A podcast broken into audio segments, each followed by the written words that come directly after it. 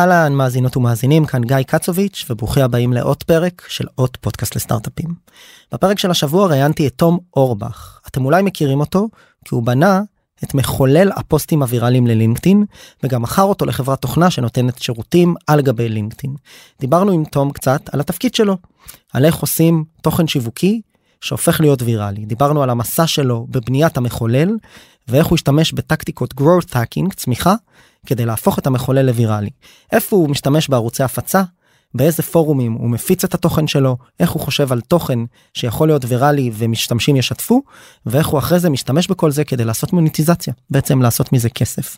תום היה במספר תפקידי שיווק ותוכן שיווקי בסטארט-אפים שונים, נמצא כרגע בתפקידו כמנהל פרויקטים מיוחדים שיווקיים במיין ועכשיו עובר לסטארט-אפ וויז ודיברנו איתו קצת על המתודולוגיה של איך אנחנו הופכים לוויראליים ומקבלים הרבה מאוד חשיפה דרך סיפור בניית ומכירת המחולל. אז תאזינו לנו פרק מיוחד ואם נהניתם תשתפו ותהפכו גם אותנו אולי קצת לוויראליים וזהו שתהיה האזנה נעימה. עוד פודקאסט? עוד פודקאסט. עוד פודקאסט לסטארט-אפים.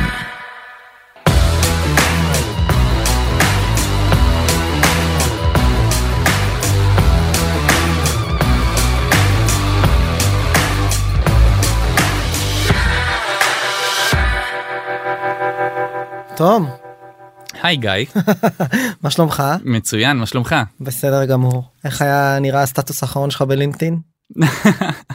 היום אני growth marketing manager ב Mine. ב Mine. כן. Mine סטארט-אפ בתחום ה privacy מאוד מצליח גם b2c גם b2b אמ, ועד שהפרק הזה יצא לאוויר אני אתחיל אה, במשרד דומה בסטארט-אפ אחר ב Wiz של אסף רפפורט. אמ, בסך הכל כיף. מה הרקע שלך קצת תספר לי לפני שניגע בליבו של העניין שלשמו התכנסנו. אני איש אה, שיווק עם אה, נישה מאוד מאוד ספציפית של ויראליות אה, שיווק אורגני קצת אפקטים פסיכולוגיים עתיד קוגניטיביות מוטיבציה רגשות של אנשים וכל מה שקשור לזה. אה, איכשהו יצא שבכל החמישה שישה סטארט-אפים שעבדתי בהם יצרו עבורי משרה כי זאת נישה שלא באמת קיימת בארץ. אה, אבל בסוף התפקיד שלי כ-growth marketer פר se זה, זה, זה, זה לייצר דברים חדשים בתוך החברה זה להביא צ'אנלים חדשים שלא חשבו עליהם קודם הם, בנוסף לשיווק הקלאסי שאחרים עושים שזה ה-SEO אה, קידום ממומן PPC אה, אינפלואנסרים וכולי. וההכשרה שלך איך מגיעים לזה איך נהיים אה, איש marketing תוכן פרויקטים מיוחדים בוא נקרא לזה כל מה שקשור לווירליות ל content marketing. הרי זה באמת כמו שאמרת אנחנו כישראלים היינו רגילים תמיד למכור enterprise b2b בשלב מסוים עשינו קצת inside sales אז אנחנו יודעים לעשות הרבה דברים כאילו automated ב performance אבל כל הסיפור הזה של אה, קמפיינים קצת יותר ייחודיים זה משהו שהרבה פעמים קצת זר לנו ולא בטוח שאנחנו לא בטוח שגם כל היזמים והיזמות מעריכים את המתודה הזו. לגמרי אז, אה, למרות אז- שאני חושב שב-B2B אפילו ההזדמנות הרבה יותר גדולה מכל מה שאנחנו מכירים.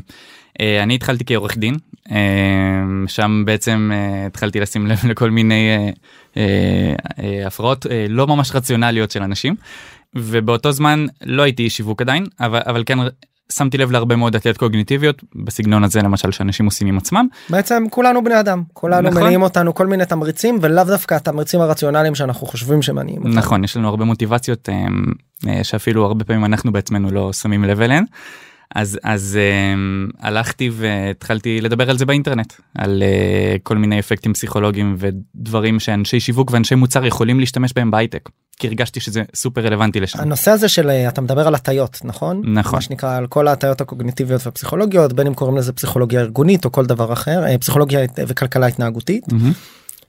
אתה יכול שנייה לפני שאנחנו אולי אה, נתקדם קדימה בטיימליין שלך וברקע שלך מה אז כשאתה מנסה להכליל את זה מה זיהית או מה מה הקווים המנחים האלה שהנחו אותך מאז ועד היום בכל מה שקשור להטיות אנושיות. כן אז זה מתחיל בכך שהמוח שלנו עצלן אה, הוא מנסה לקבל החלטות כמה שיותר מהר ובכמה שפחות מאמץ אה, ובסוף זה מוביל לכך שאנשים יוצרים לעצמם קיצורי דרך. אה, למשל יש יש אפילו מחקר ממש עדכני על אפקט שנקרא אפקט גוגל. אפקט גוגל אומר שאם אנשים שומעים פרט מידע מסוים והם מניחים שאפשר למצוא אותו בגוגל המוח שלהם בכוונה יתאמץ לא לזכור את המידע הזה כי הוא יודע שהוא יוכל לשחזר אותו אחר כך בגוגל ממש בקלות. אז אלה דברים כאלה באמת הטיות קוגניטיביות גם שיתפתי פעם פעולה עם אה, דן אריאלי ועם אה, חוקרים מאוניברסיטת תל אביב אני בעצם ממש חשוב לי להנגיש את המידע הזה בעיקר לאנשי שיווק ואנשי מוצר אה, בהייטק גם הקמתי על זה קהילות. אמ, והתובנה לדעתי הכי הכי בסיסית וחשובה ש people want to be praised. אנשים רוצים להרגיש טוב. להרגיש טוב, להרגיש מוערכים, להרגיש שרואים אותם, וזה בבסיס כל הפעולות שאנחנו עושים. יש לי רשימה שאני מסתובב איתה, רשימה של uh, uh, רגשות, של desires, של אנשים ש... Uh, דברים שאנשים רוצים, אבל בסוף כשאתה שואל למה, למה, למה, מספיק פעמים אתה מגיע, כן, כי אנשים רוצים שיעריכו אותם. אני רוצה, כמו שהיה אז את המופע, מה זה, מ.ק. 22, אתה מכיר? זו סדרה מצוירת בטח. כזו, שעשו את שרי הריסון שם ואמרו, בסוף אני רוצה שיאהבו אותי. בדיוק.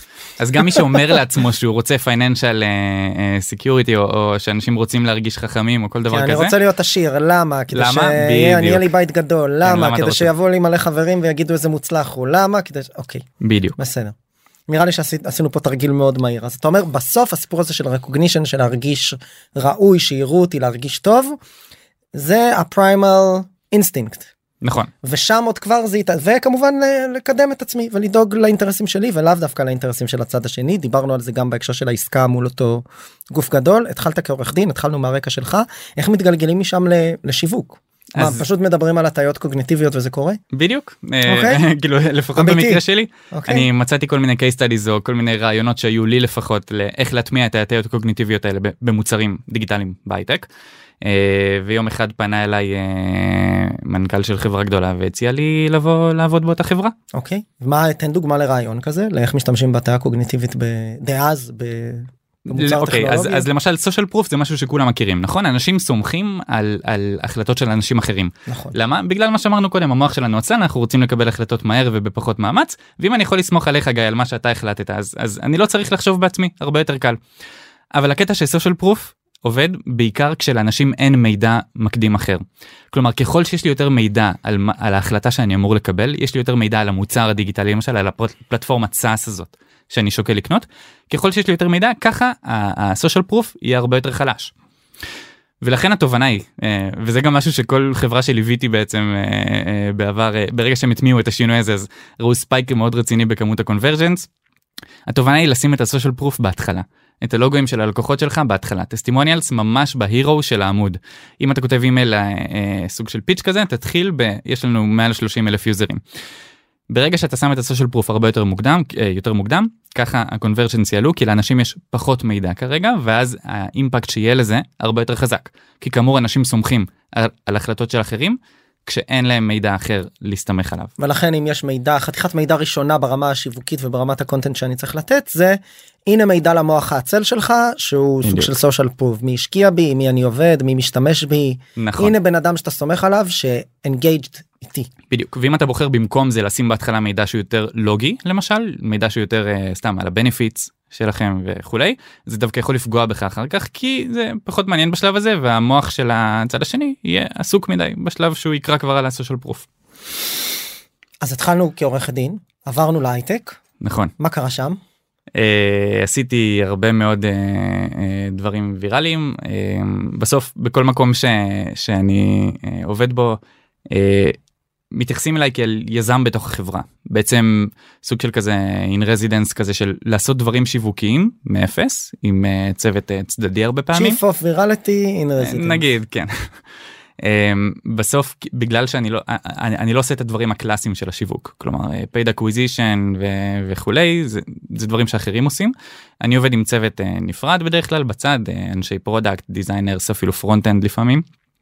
ואנחנו מפתחים דברים נפרדים לחלוטין מנסים למצוא צ'אנלים חדשים. אה, דברים אה, לייצר לופים ויראליים לגרום לכל יוזר להזמין יוזרים אחרים בלי שהוא עד הסוף מבין שהוא עושה את זה לא בקטע ערמומי אלא בקטע של אני אעזור לך אה, אה, להיות יוזר אה, אה, יותר מרוצה בזה שהחברים שלך גם יהיו פה כן אה, וככה התגלגלתי לאיפה שאני היום וסך הכל אני מרוצה.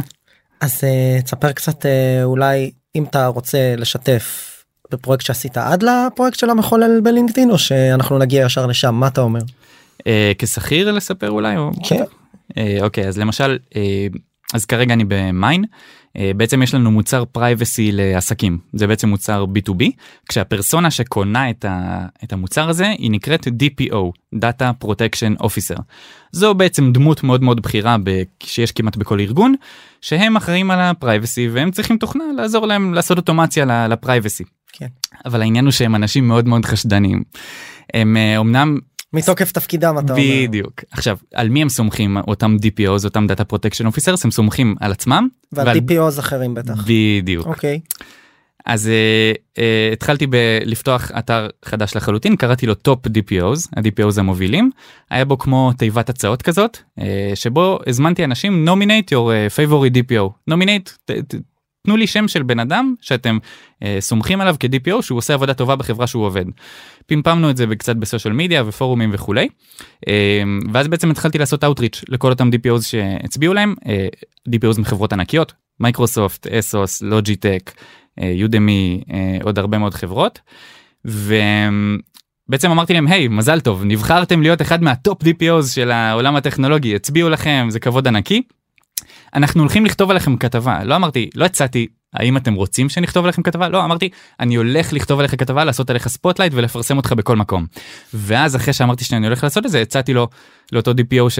שדיברתי איתו הצעתי לו אתה רוצה להשתתף בכתבה ולהתראיין ולשלוט בנרטיב וכמובן שכולם אמרו כן. ואחרי שהכתבה הרעיון התפרסמו אז אותם DPOs מן הסתם פרסמו את זה כי זה כבוד גדול להיות אחד מהטופ DPOs. אה, ואז זה כמו כדור שלג כי בעצם DPOs אחרים ראו את זה הם שאלו רגע מה מה זה Mine מה קורה פה ואז הם נכנסו לאתר של Mine הם אה, נרשמו גם אה, קיבלנו עוד לידים אה, ואז בעצם הרשימה גם אז החלה- מכונת המרקטינג עובדת של בוא נפנה אליך בדיוק זה המכונה לך- של אחר כך. כן. וככה גם בעצם היה לי הרבה יותר קל לפנות ל-DPOs בעתיד כי אמרתי היי אתה רואה את ה-DPO של Cloudflare היא כבר היא כבר השתתפה פה וגם ה-DPO של iRobot וה-DPO של עוד הרבה מאוד חברות. אתה רוצה להיות גם חלק מהרשימה היוקרתית הזאת? ברור שכן. בוא תשתתף ואז כמובן הם משתפים את זה בעצמם הם פמפמים יש לי DPO ש, שממש אה, ביקש בכל מקום שכאילו הוא, הוא רצה לפרסם את זה כמה פעמים אז הוא ביקש טיפה שניתן לו עוד קונטנט מרקטיאלי כדי שהוא יכול לפרסם את זה כמעט כל יום. אה, וזה היה פשוט אה, זה עבד כמו קסם. ולמה זה עבד? בגלל אותו core desire שדיברנו עליו קודם. אנשים רוצים to be praised. אוקיי וגם זה, זה לא רק DPO כל כל בייר שיש לך לכל תוכנת B2B מה שהם רוצים בסוף זה to be praised. אז אז אז אז אם הבוס שלהם יגיד להם היי כל הכבוד על העבודה שלך ואז הם ידעו בעצמם שהם ישתמשו באיזשהו כלי בשביל העבודה שלהם אז ברור שהם ישלמו עליו ואז ככה ככה ככה המכונה המשומנת אה, תעבוד בסוף. אז בעצם איזשהו שילוב באמת של קונספט שבא ואומר אנשים רוצים להיות מוערכים ו- ומוכרים.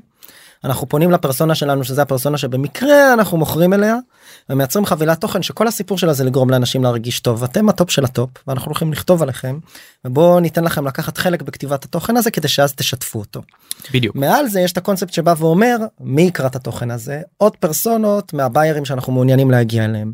הם יבואו ישמעו ישימו את הדאטה שלהם אצלנו ואז כבר המכונה השיווקית או מכונת ה, מה שנקרא קואליפיקציה ללידים תפנה אליהם נשלח להם אימיילים נציע שיחה ננסה למכור להם את המוצר של Mine. בדיוק. שזה מערך שצריך להתקיים כי אם הוא לא מתקיים אז כל מה שעשית נשאר מסתכם באוסף של לידים שאף אחד לא עושה איתם שום דבר. נכון. אבל המערך המערך בטוח קיים זה אנשים אחרים קיים, בדרך זה כלל. נכון, נכון. נכון. זה לא אתה. כשהחוליה שבאמצע בין שני השלבים שאמרת זה החוליה של ה distribution כי ברגע שה company is distributing something זה תמיד יהיה חלש יותר מאשר כש user פוטנציאלי עושה לזה distribution אז בין אם זה UGC כלומר user generated content שמשהו שה user הכין בעצמו ובין אם זה content על ה user או content שממש עוזר ל user אז ברגע שה user משתף בעצמו אה, או user או, או פשוט אדם מן היישוב שהוא הפרסונה במקרה זה הרבה הרבה יותר חזק. כשאני אוסיף אנקדוטה שחשוב להבין באיזה space אתם נמצאים. כי אם אתם מוכרים מוצר ל... לא יודע, ל-CFOs, לאנשי financial, הם, אם מסתכלים כזה על ספקטרום של amplification, אנשי financial ייטו לשתף הרבה פחות תכנים מאשר marketers. נכון זאת הסיבה שלמשל HubSpot כל כך חזקים בממלכת content שלהם כי הם בסוף מייעדים את ה content הזה ל marketers ו marketer אתה יודע אני רואה עכשיו תוכן מגניב. ברור, הוא רוצה לשתף. וואי, אני חייב לשתף ואני בלינקדאין ואני אקבל מלא לייקים על הכתבה של HubSpot ששיתפתי ועל המדריך הזה וכו' אבל אם יהיה אפילו לא יודע הטקטיקות הכי טובות ל-CFOs. הם פחות ישתפו את זה אז חשוב להבין איפה הפרסונה שלכם נמצאת על הספקטרום הזה האם יש לה נטייה טבעית לפרסם דברים ולשתף או שלא וה-DPO זה אותם אנשי privacy נמצאים בערך איפשהו באמצע לדעתי. בוא נדבר קצת על המחולל בטח. נחולל את אה, נחולל שיחה על המחולל. יאללה נחולל איזה כיף זה לחולל דברים. אני אה, אני מאוד אוהב הנדסה לאחור אה, כמעט כל רעיון שיווקי שיש לי התחיל מאיזשהו ניצוץ שראיתי במקום אחר. יש לי אני ממליץ לכולם אגב לעשות Google Alert ב Google News ל viral campaign. כל שבוע אתם תקבלו למייל פשוט רשימה של כל הקמפיינים הוויראליים שהיו באותו שבוע ואני מבטיח לכם שזה יצית בכם אה, כל מיני רעיונות. השראה ורעיונות. בדיוק. כחלק מה... מאותה הנדסה לאחור בעצם אה, עשיתי scraping מה שנקרא ייצוא של הרבה מאוד פוסטים אה, בלינקדין כדי לבדוק מה עובד בעצם סיננתי אותם לפי engagement גבוה ראיתי איזה אילו פוסטים קיבלו הכי הרבה כל. הפוסטים?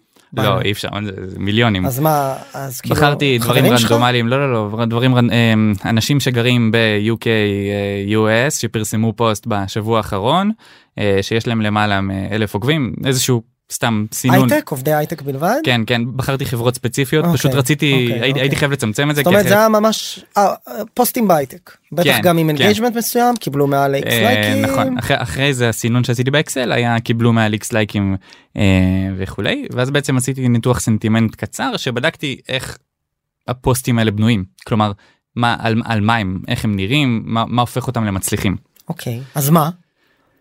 אגוצנטריות אנשים אני אה, יש עכשיו היה את הזה את הכתבה הזו נכון שראית בטח על ה- I'm humbled בטח כן שאתה אפילו לא צריך לרשום I'm בהתחלה רק צריך נכון. לרשום humbled to be part of Humbled. uh, Forbes uh, 30 under 30 כזה. בדיוק ככה אז אה, עשיתי זו- עשיתי עשיתי עשיתי. זו מילה שחוזרת ואני. על עצמה אני אני וגם I אגב אם אתה עושה word cloud אז אה, מי זה המילה הכי אה, הכי גדולה ב word cloud הזה של כל הפוסטים. אה, ואנשים בעיקר כותבים על עצמם וזה, וזה נוצר ממש כאילו מצב אבסורדי שגם אם יש לך מישהו שרק בא לעזור לאחרים אז הוא לא יכתוב פוסט על אלה שהוא עוזר להם אלא הוא יכתוב פוסט על עצמו ועל כל הכבוד לו שהוא עוזר לאחרים. ו- וזה זה לא בעצם קצת היה הציק מינוח. לך? אני קצת שומע את זה וקצת אה, נע בכיסא באי נוחות אני בסוף בא ואומר. מה אין באמת פוסטים ויראליים של אנשים שעשו משהו בשביל מישהו אחר או שמפרסמים משהו אחר או שמפרגנים או שבאמת מדברים על איזשהו נושא מקצועי? זה הכל האדרה עצמית אה, אישית מקצועית כזו? נקודה טובה. אה, גם אם מדברים על אה, אני אעשה רגע פאוזה על, על עוד רגע נחזור למה שדיברנו קודם. גם אם אותם אנשים מדברים על עזרה באמת לתת ערך לאחרים בסוף הם המינוח מתרכז בעצמי ולא ב... הוא כמעט, כמעט תמיד בגוף ראשון. זיהיתי את הפער אני ב-1 וכל 2 הכבוד לי, 3 כן. אוקיי אוקיי לפני שאני אמשיך רגע את הסיפור אני רק אגיד שהנקודה מבחינת content עצמו לא מבחינת המינוח או, או על מי מדברים עליי או עליכם ה content עצמו שתמיד מנצח בלינקדין וזו תובנה שאני חושב שאנשים לא לא הבינו עד הסוף עדיין אה, זה anti professionalism. כלומר ברגע שאתה אומר יש לי ילדים והיום אין להם גן ואני אביא אותם איתי לעבודה זה זה תוכן שהתפוצץ בוודאות. אם אתה אומר אה, אה, הבוס שלי אמר לי להישאר עד תשע ולא נשארתי פוסט שיצליח. מחקתי את ה Slack מהטלפון פוסט שיצליח. דברים שהם טיפה יותר כאילו מרו, אה, אה, מרוכזים ב-work life balance ובכאילו movement כזה של היי אתה לא צריך ללבוש עניבה לעבודה. הפוסט הכי מצליח אי פעם בלינקדין זה אי של פעם. אי פעם. זה זה כאילו הטופ של הטופ של הטופ אני כבר לא זוכר את התוצאות אבל זה מיליוני אה, תגובות ולייקים ומן הסתם מאות מיליוני חשיפות. זה של אישה שהייתה לה תמונה מאוד מעונבת בלינקדאין כזה תמונה שצולמה בסטודיו עם חליפה כזה וכולי ואז היא פשוט היא גם הייתה מאופרת היא החליפה את התמונה בתמונה רגילה שלה מהבית באיכות לא כל כך טובה כשהשיער לא מסודר והיא לא מאופרת. אמ, ואמרה אוקיי נמאס לי מה- מההצגות מעכשיו זאת התמונה שלי היא העלתה כזאת תמונה שהיא משווה את התמונה הקודמת הפרופשיונל והנון פרופשיונל ואני ממליצה לכם לעשות את זה גם. וזה היה הפוסט הכי מצליח בכל הזמנים. למה? אנטי professionalism בעצם כאילו לבוא ולהגיד כולנו בסוף זה קצת ה-meta של לינקדאין מ"ט א' זה. כזה לינקדאין היא מקום מאוד אה, מקצועי ומוקפד כולנו אמורים לרשום בו את הטייטלים ואת ההישגים שלנו את ה-certification את ה-prizes את ה-list הנה אני יוצא אני contrarian אני יוצא נגד בדיוק ואני עושה את זה לא סתם אני לא עושה את זה בטוויטר או בפייסבוק אני עושה את זה במקום שבו אני אמור לקדם את עצמי שזה איזה סיגנלין כזה של הפוך אפרופו דן אריאלי וכולי זה סיגנלין כזה שעושה את זה מי שיכול להרשות מה שנקרא. מישהו שהוא מספיק אמיץ ויכול להרשות לעצמו קצת כמו האנטילופה או הזבי נכון אתה מכיר את זה בעולמות החי שקופצת מול האריה ואנשים תמיד טועים מה הכוונה Mm. של זה כן. אז אומרים היא קופצת מול האריה לא כדי למשוך את תשומת ליבו מול הלוויה כשהיא באה לצוד אלא כדי לאותת כי היא יכולה לא לברוח ולאותת ולהראות אני חזקה אני קופצת יש ל, יש לשם הזה אה, יש למהלך הזה לשם הזה לתופעה הזו שם שם של אפקט ואני לא זוכר אותו פעם זכרתי אבל אה, אני גם לא זוכר לצד. אבל אתה בא ואומר הנה אני מספיק אמיץ וחכם ומוכשר כדי להראות שאני יכול להחליף את הפרופיל בלינקדאין שלי מעניבה ל- נכון לפרופיל אה, לתמונת פרופיל לא מהודקת. נכון אז, אז זה בעצם הקונטנט הכי מצליח עכשיו נחזור רגע לה, להנדסה לאחור שעשיתי וגיליתי שכולם מאוד אגוצנטריים מדברים על עצמם מהמם. גם כשהם באים לעזור לאחרים היה אפילו את המקרה המפורסם של ה-crying CEO אותו מנכ"ל שנאלץ לפטר עובדים. ואז הוא העלה פוסט ללינקדאין שזה מצוין אבל במקום לדבר על העובדים שפוטרו ועל התכונות הטובות שלהם וניסה לעזור לו. להם למצוא עבודה הוא רק דיבר על כמה קשה לו וכמה הוא עצוב וכמות האי שהייתה שם הייתה לא הגיונית. זה היה פוסט טוב בעיניך? זה היה פוסט ויראלי? אני לא יודע. שאלה אם הוא היה הסנטימנט אליו היה חיובי? לא ממש לא ממש ממש לא אבל הוא מינף את זה כמו שצריך לדעתי היה לו סדרת אה, פוסטי המשך אחרי זה גם קצת צחק על עצמו. כנראה שהיה לו עשה עבודה היו טובה. לו יועצים טובים כן. אחרי שראיתי שכל הפוסטים מאוד אה, אה, אה, מרוכזים בעצמם וכמו שאמרת אנשים שמים לב לזה אנשים נעים באי נוחות בכיסא כשהם נכנסים ללינקדין הרבה פעמים. אז אמרתי לעצמי שיש פה תובנה כלשהי שאנשים יודעים שמשהו לא בסדר בלינקדין אבל עדיין משחקים את המשחק. אז התחלתי לכתוב לעצמי אה, פוסטים שבכאילו יכולים להיות ויראליים אבל שהם מגוחכים לחלוטין. אה, היה איזה פוסט היום בבוקר צחצחתי שיניים עכשיו אני כותב על זה ספר אלקטרוני אני נותן את זה בחינם לעשרת המגיבים הראשונים אה, אה, דברים כאלה. ואז אמרתי היי למה שאני לא אהפוך את זה למשהו שהוא הוא טיפה יותר אינטראקטיבי עם הקהל משהו שבמקום לפרסם את התוכן כמו שהוא אני אמחק את כל הפעלים צחצחתי למשל או שתיתי קפה או כל דבר כזה ואני אתן לאנשים למלא את הבלנק הזה בעצמם. אז התחלתי לחפש פלטפורמות no code שאני יכול לעשות את זה בהן כי אני לא כל כך אני, אני יודע קצת קוד אבל לא, לא ממש הרבה אה, ופשוט פיתחתי את זה ובעצם הגעתי למצב שיש אה, מאות אה, פוסטים אפשריים שאתה מוקצה ביניהם רנדומלית אתה מכניס בעצם למחולל מה עשית היום וגם מסר מעורר השראה ואז אתה מקבל פוסט. עכשיו ההוק האמיתי אתה יכול לתת רגע דוגמה לאיך זה נראה כן. כמו הצחצוח שיניים או הקפה? מעולה. אז אה, למשל צחצחתי שיניים ולא יודע shoot for the stars נגיד. אה, שזה המסר המעורר השראה אז ברגע שאתה תחולל את הדבר הזה במחולל שהוא עדיין קיים אה, אתה תקבל פוסט כמו בהתרגשות גדולה ועם דמעות בעיניים אני גאה להודיע שהיום בבוקר צחצחתי שיניים לכל מי שעדיין מתקשה במשימה הקשה והמורכבת הזאת אני חייב להגיד לכם פשוט shoot for the stars זה היה רגע מכונן בקריירה שלי ואני רוצה לו... ככה זה ממשיך. שזה באמת הסגנון של הפוסטים בלינקדין. וגם פה אם דיברנו על כך ש-content אה, is king אז גם פה לדעתי כאילו בסוף ה-content אנשים הרגישו ש... שהוא שלהם כי, כי, כי הם הכניסו את הפעולות אבל התוכן שיצרתי מאחורי הקלעים זה מה שהצחיק אותם בסוף. אז אה, הת... התוכן פה עשה עבודה מצוינת לדעתי. uh, בעצם אחרי שאתה מקבל את התוצאה אתה לא יכול להעתיק את הטקסט אה, אתה כן יכול לעשות screenshot. ושמתי כזה רקע בצבע צהוב כזה. כדי שאנשים יהיו חייבים להפיץ את המחולל. בדיוק עם ה... עם ה... כאילו הווטר מרק שלי. שהווטר מרק היה כזה שכתוב שזה נוצר עם המחולל ויש כזה רקע צהוב אה, צהוב דיסטינקטיבי מאוד. וכשהשקתי את זה בישראל אז באמת כל הפיד אה, התמלא באותם פוסטים צהובים אה, באותו יום וגם בשבועות אחר כך. ועזבתי את זה קצת בצד זה די הצליח כאילו כתבו על זה בגיק טיים ובכל מיני תוכניות אה, השתמשו בזה בלייב זה היה ממש כיף. אה, ואחרי כמה חודשים החלטתי לעשות את אותו דבר בדיוק אבל באנגלית. עכשיו באנגלית היו כמה אתגרים כי אה, אם אני שואל אותך מה עשית היום ואתה אומר צחצחתי שיניים אז באנגלית זה יכול להיות I brushed my teeth, I have brushed my teeth, I am brushing my teeth, יש כל כך הרבה tenses אה, שהיה מאוד קשה לזהות את הפועל ולבודד אותו וכולי אז פה כן קצת השתמשתי בקוד. אבל ברגע ש, ש, שזה היה מוכן באנגלית אז הרגשתי ש, שזה הולך אה, שזה הולך לעבוד טוב בדיוק כמו שזה עבד בישראל זה מה שחשבתי שיקרה. פיזרתי את ההשקה על פני כמה ימים אמרתי שבהתחלה אני אשיק בלינקדין ובטוויטר ובסושיאל מדיה יום אחר כך ברדיט ובפורומים וכולי Mhm. יום אחרי זה ב-Product Hunt רגע עצור. כן הסיפור הזה של השקה. יוצא לנו לדבר על זה הרבה עם יזמים וגם עם אנשי שיווק. ואני גם מדבר על זה הרבה עם יזמים שלי. אתה מציג את זה וזרקת פה כמה סורסים. בוא תתאר שנייה את הגישה הזו שלך כלפי השקה זאת אומרת בניתי משהו אגב משהו שבסוף הקונספט שלו נורא ברור. לא חשבת אבל שתעשה מזה business היה יותר ממש לא זה היה בשביל הכיף גימיק ובשביל הכיף צחוקים בנית אותו לא בהמון זמן. בגלל שזה משהו שדיבר אליך זה יכול להיות באותה זה יכול להיות באותה מידה פיצ'ר חדש ב-main נכון. והשתמשת בהרבה מהידע שיש לך בתור מנהל שיווק כדי להשיק את זה אמרת ואז זרקת רדיט ו-Product Hunt וכולי. בוא נדבר קצת על הקונספט הזה של השקה ואני רוצה פה להקשות כי להגיד מצד אחד וקראתי גם את ה-knowledge אה, שלך בנושא אחרי זה בדיעבד על איפה פרסמת וכולי מצד אחד אין כזה דבר באמת השקה אתה משיק ואז אתה עושה ongoing release ופוש בתוך הרשתות כדי לקדם את הסורס שאתה רוצה לקדם. תגיד לי אם אתה לא מסכים. אתה צודק. מצד שני כולנו כן מסתכלים על הרגע הזה שבו אנחנו מייצרים איזה כוח אש וריכוז מאמץ כדי להשיק את הדבר הזה. אז א' מה הגישה שלך בין זה לבין זה. וב' כשאתה מסתכל היום על מוצר כנראה בעיקר מוצר דיגיטלי תוכנה מיין צד אחד אולי וויז בקרוב ו, אה, או בזמן אה, שידור הפרק הזה כבר בהווה ומחולל פוסטים ויראליים או קובץ אה, רשימת ה-Chief Security או Privacy Officers המרכזיים שאתם עובדים מולם אתה בסוף גם מקדם את זה לא רק דרך הפרופיל האישי של uh, תום או דרך פרופיל החברה של מיין. אז בוא תתאר קצת כשאני היום יזם או יזמת או איש שיווק או אשת שיווק.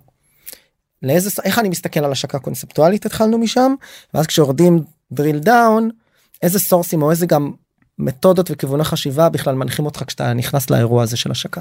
מעולה. אני חסיד גדול של uh, השקה על פני כמה ימים או שבועות לא משהו שהוא מרוכז וכוח יש אחד אה, זה אמנם הרבה יותר מרשים כשזה ביום אחד וזה נראה כאילו הכל מתוזמן וביחד אבל אני לא רואה באמת סיבה אמיתית לעשות את זה גם במחולל הייתי צוות של איש אחד.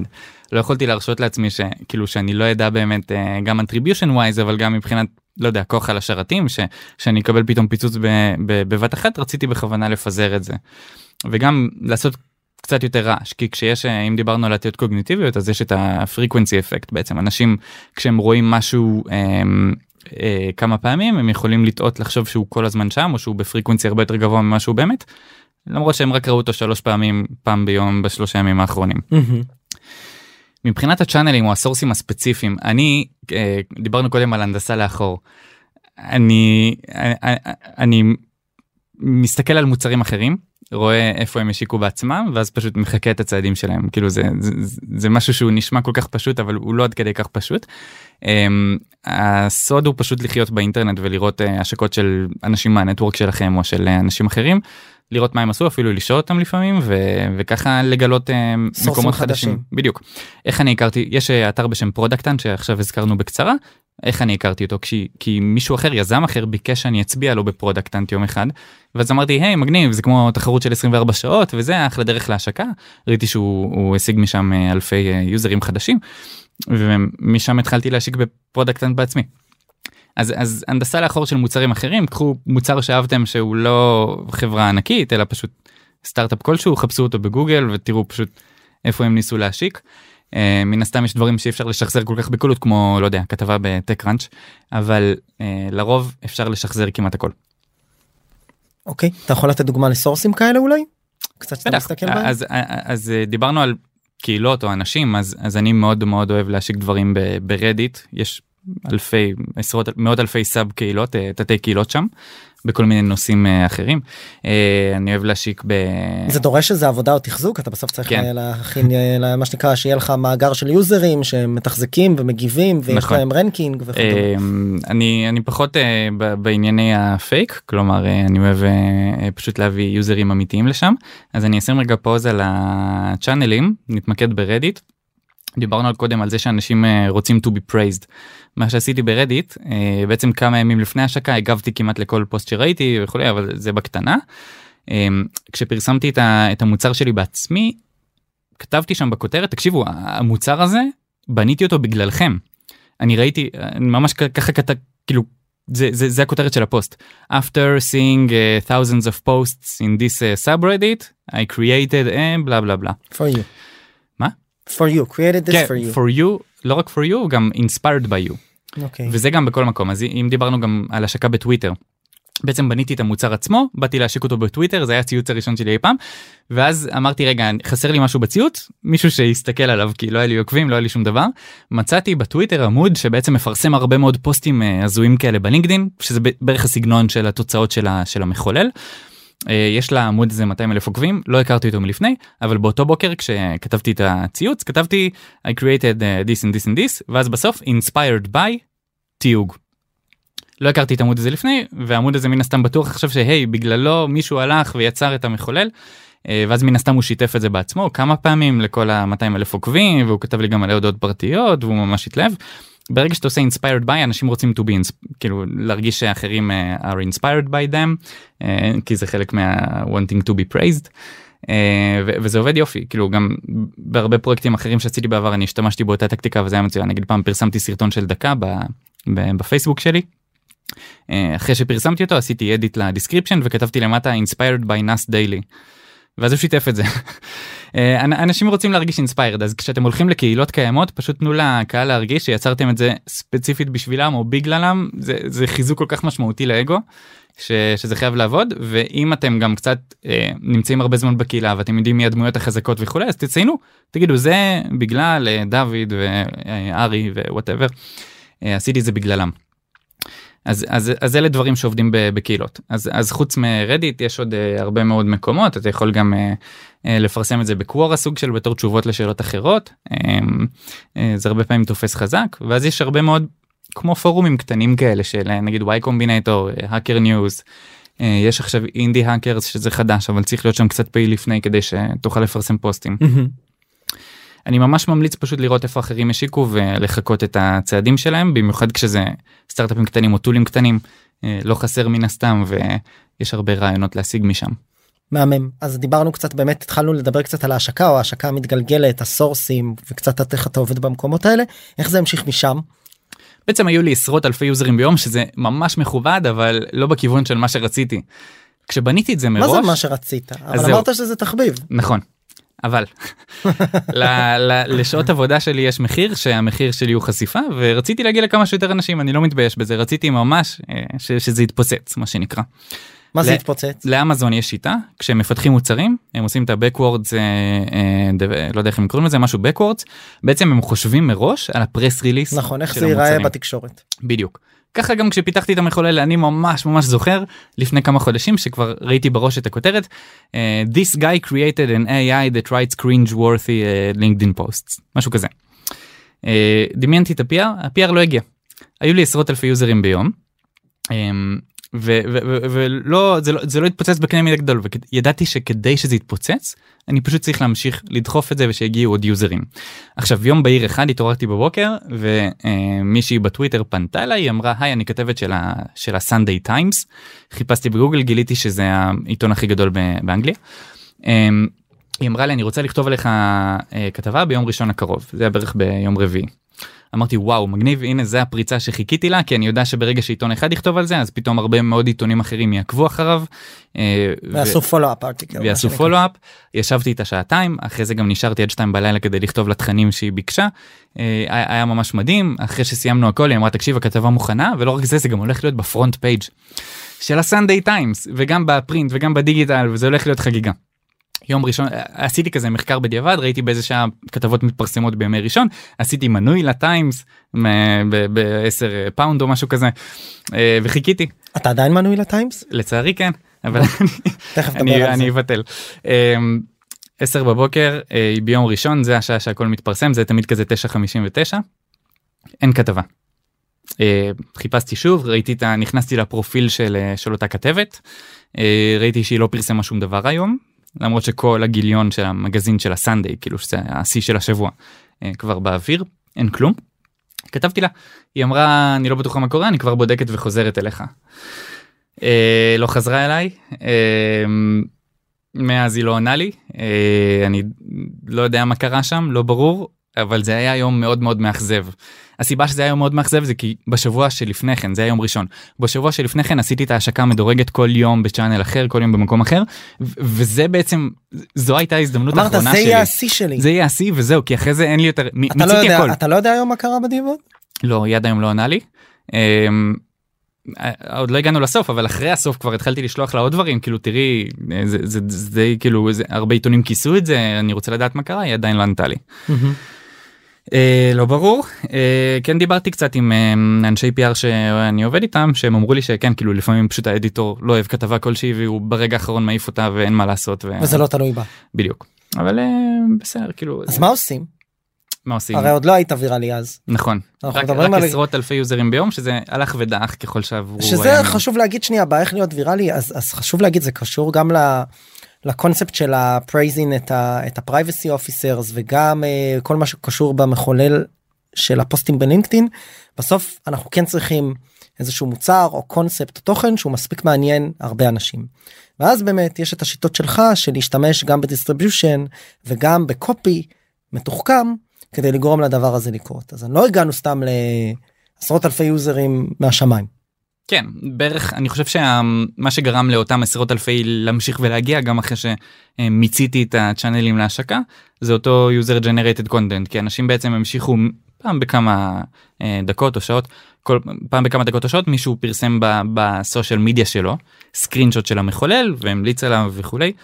פשוט זה לא זה לא התפוצץ באיזשהו קנה מידה. אתה חושב שאפשר גדול. ליישם את זה גם במקומות אחרים היום חברות יזמים מנהלי שיווק שהם מקשיבים לדבר הזה ואומרים טוב בסדר אז כבר את המחולל יש מה אני יכול לעשות בדומיין שלי אם זה דומיין של privacy או של cyber security למשל בטח או כל דומיין אחר כדי לייצר תכנים או קונספטים לתכנים שהם בסוף יהיו USG כזה.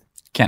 אמ, יש איזשהו misconception ש-UGC, UGC סליחה, הכל בסדר, UGC רלוונטי רק ל-B2C, כלומר שאתה חושב על תוכן שיוזרים מייצרים אז כאילו זה יוזר שהוא consumer ושהוא הוא משתמש באיזושהי לא יודע אפליקציה ואז הוא משתף לדוגמה Spotify Wrapped מה שכל דצמבר אה, כל האינטרנט אה, מדבר עליו שזה הסיכום סטטיסטיקות של נכון זה. שכל היוזרים מפרסמים את מה השירים כן. שאנחנו הכי אוהבים והפודקאסט ששם הכי שמענו נכון אבל לדעתי זה מיתוס כאילו אני מכיר כל כך הרבה דוגמאות מ-B2B ש... של user generated content שעובד פשוט מדהים.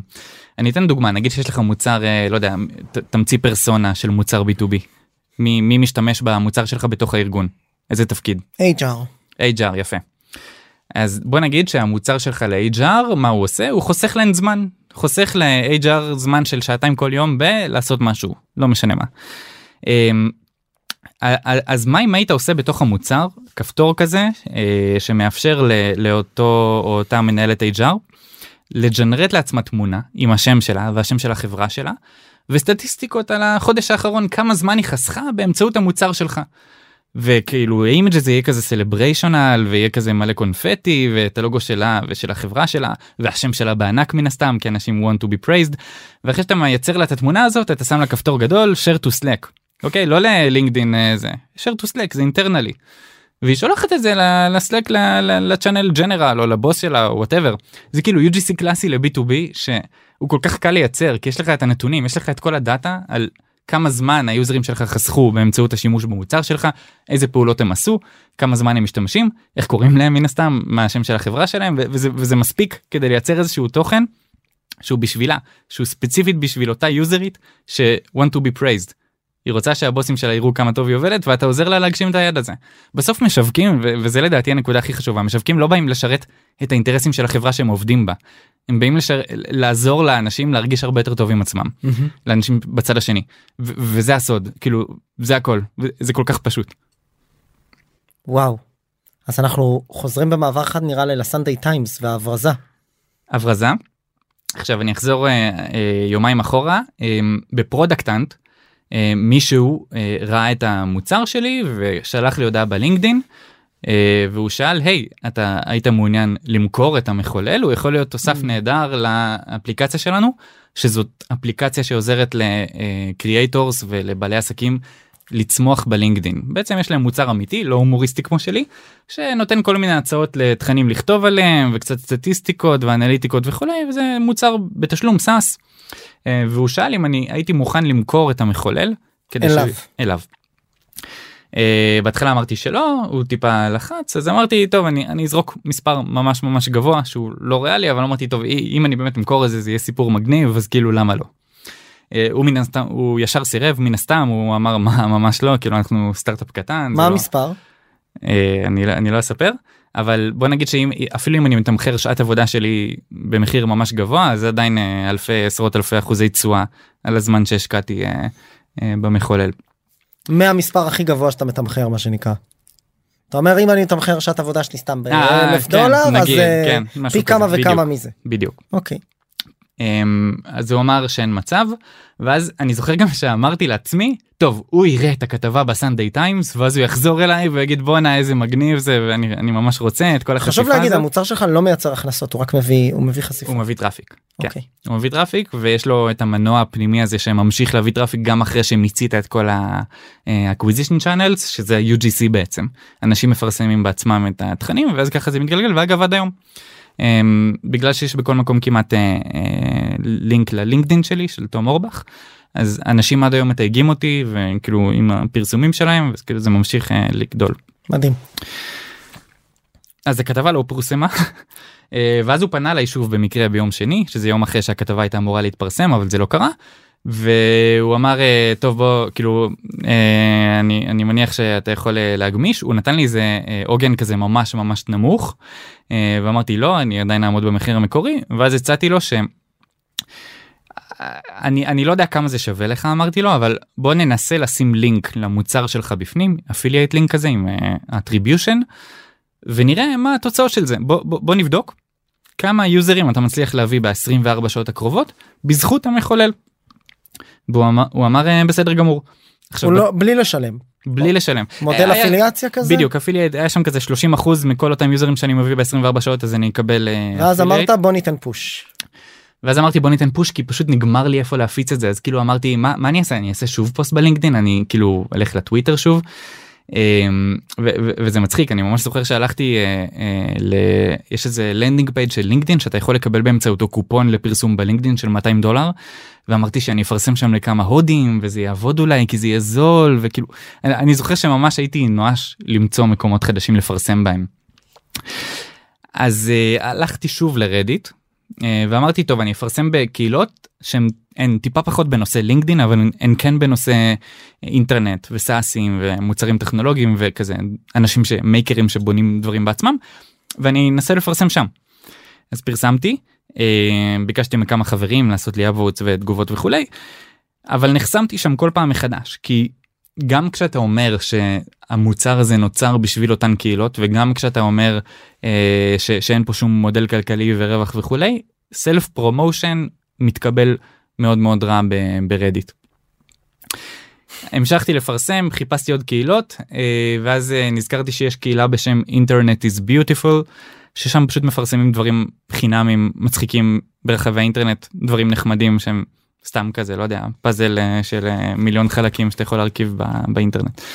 אה, פרסמתי שם ואולי זה אולי זה הטיימינג השעה ביום אולי זה משהו אחר אבל ממש מהר תוך כמה דקות זה כבר ממש התפוצץ ברדיט. אה, ברמה שהפעם האחרונה שבדקתי זה היה 3.4 מיליון צפיות לרדיט הזה. מבחינת קליקים זה כמה. מאות אלפים. ו- והפוסט והם הזה אישרו שם את הפוסט מן סתם. והם אישרו שם את הפוסט. אה, אנקדוטה מעניינת אחרי המכירה הפוסט הוסר אה, לא יודע למה אני חושב שהם פשוט אה, חשבו שפתאום אוקיי עכשיו זה כאילו מוצר של חברה זה לא באמת מוצר חינמי גם אם כן גם אם לא לא משנה. הפוסט הוסר אה, בדיעבד. וזה אבל- הגדיל את ה traffic מאוד באותו באותה יממה? זה גרם לספייק עצום אם היה לי עשרות אלפי יוזרים אז פתאום יש לי מאות אלפי יוזרים ב-low numbers כאילו לא לא מאות אלפים אבל אה, עדיין מאות אלפים. גם היום.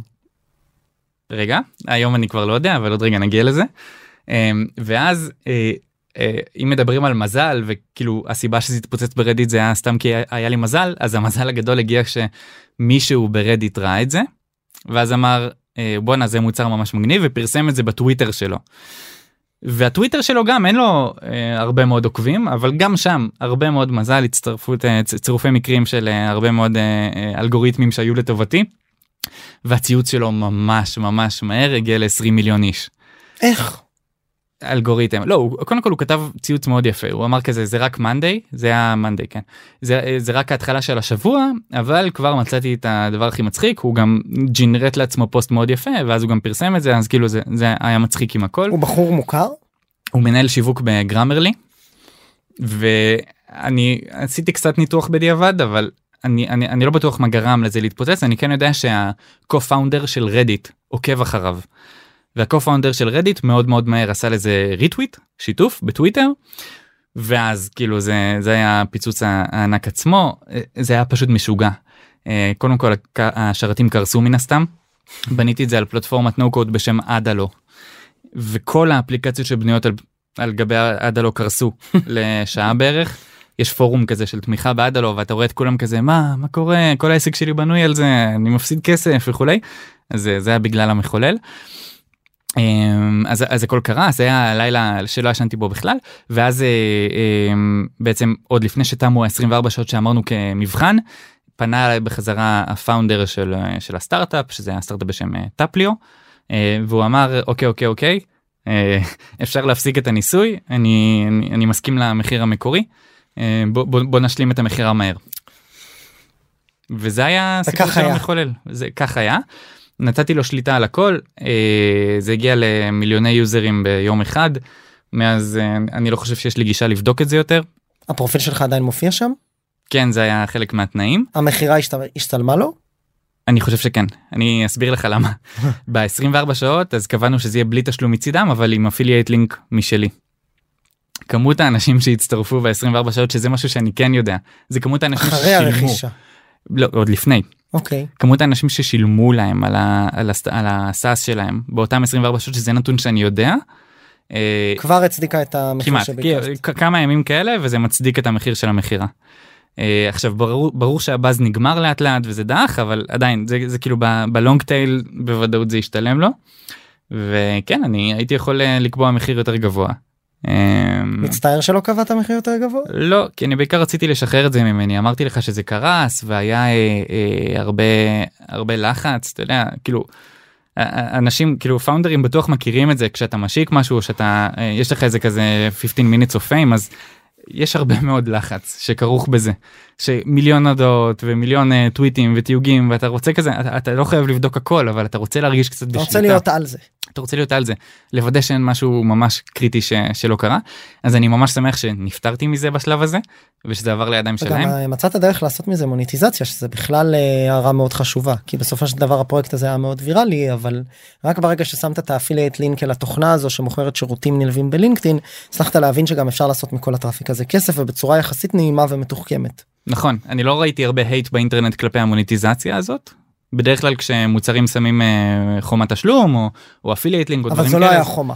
לא חומה אבל גם, גם כשאנשים אפילו שמים לא יודע איזה ב footer כזה פרסומת אז, אז הרבה פעמים זה נלווה אה, אה, אנשים מתחילים לשנוא את זה באינטרנט כי הם אומרים טוב התמסחרת פעם זה היה כזה מוצר חינמי מגניב פתאום זה כבר לא. אני לא ראיתי זה אז כמו שאמרת אתה צודק זה באמת היה צורה מאוד עדינה. אה, אני כן אגיד אבל שאני מעולם לא רציתי לעשות לזה מוניטיזציה. כלומר הכסף שקיבלתי מזה זה זה החשיפה. זה, זה מה שרציתי. למטה היה לינק לפרופיל לינקדאין שלי. היו לי כמעט 100 אלף אה, צפיות בפרופיל שזה משוגע בלינקדאין והנטוורק שלי צמח ואני מרגיש שעם נטוורק גדול יש יותר הזדמנויות וזה באמת מה שקרה כי ככה קיבלתי את הצעת העבודה מוויז. אה, אז אני רוצה באמת אולי לדבר על זה בשלושה צעדים אחורה ככה לקראת סיום כמה שאלות. אחד באמת בנית פרויקט פשוט סופר ויראלי ויפה אבל גם צריך להגיד את זה הוא פרויקט. זאת אומרת בסוף כשסטארט-אפים או יזמים מסתכלים על זה הם באים ואומרים מה אני יכול לקחת מזה כדי לבנות טקטיקות שיווקיות ויראליות שהן יותר everlasting או יותר long termיות עבור המוצר שלי. דיברנו על UGC באמת זה משהו שאם אתה עושה אותו טוב אז הוא יחיה לנצח כי עם כל שיתוף של user אז אחרים יראו אותו וי- וייכנסו פנימה וישתפו. אה, וזה זה משהו שהוא עובד מצוין. דבר שני אה, זה, זה יישמע מצחיק אבל יש הרבה מאוד ערך בהומור. גם כש, כשכל סטארט-אפ עושה משהו או הומוריסטי או שהוא נראה טיפה מגוחך. אה, אה, והוא מקים איזה מיני tool או משהו כזה ש, ש, שהוא כאילו לא קונבנציונלי זה עובד מדהים. אני אתן דוגמה אה, יש את Headspace האפליקציה של המדיטציה יש להם מתחרה בשם קום. איך קום התחילו הם הקימו אתר בשם do nothing for 2 minutes.com. זה היה אתר ממש מצחיק אתה היית נכנס אליו ואז הוא היה ממש צורח עליך אם היית מזיז את העכבר במשך שתי דקות בעצם היה שם שעון ענק כזה שסופר אחורה שתי דקות אם היית מזיז את העכבר או את המקלדת גם אם היית עובר טאב הוא היה ממש אה, נוזף בך ומאפס את, את הטיימר. וככה קום התחילו וככה הם צמחו האתר עדיין קיים? לא אני הכרתי את זה. שאני לא יודע אפשר לבדוק אני מניח שכן אה, אבל זה בעצם היה מנוע צמיחה הראשוני שלהם. הם, הם, אה, יש חשיבות ענקית ל, ל, להומור ולהקמה של tool ים ש, שהם לאו דווקא מייצרים לך כסף there and then באותו רגע אבל הם כן מושכים הרבה מאוד אש ו traction וחשיפה. אה, ואני אני מאמין גדול ב, ב, ב, בלעשות דברים שהם לא שגרתיים בסוף ה-PR אה, משתלם. אני רוצה קצת אולי לדבר באמת לסיום על הסיפור הזה של חשיפה. אה, צריך בכל זאת לגעת בזה גם התחלת מההטיות האנושיות וזה שכולנו רוצים הכרה למה זה טוב אם בסוף לא היית עושה מזה מוניטיזציה כי לא ידעת שמישהו יפנה אליך תעשו לינק אפיליאציה תמצא את הפרופיל הזה את הקהילה הזו ברדיט ואז ה-co-founder יפרסם לא ידעת. אז למה ה exposure הזה הוא כזה חשוב? כשעבד- בטח בעולם שבו יש כל כך הרבה רעש וכולם מתחרים על ה attention ועל ה traffic לא עדיף לי להיות מדויק לקהל יעד מאוד מאוד ספציפי.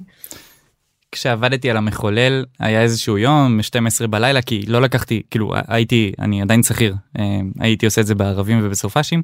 12 בלילה אה, חברה שלי חברה שלי דאז היום היא ארוסתי ניגשת אליי ואומרת לי תום למה? אבל למה? אני אומר לה חשיפה. היא אומרת אבל למה? אני, אני לא מבינה מה, מה תקבל מזה? היא מתעקשת היא שואלת כמה כן. פעמים למה. כדי אמרתי- שיאהבו אותי.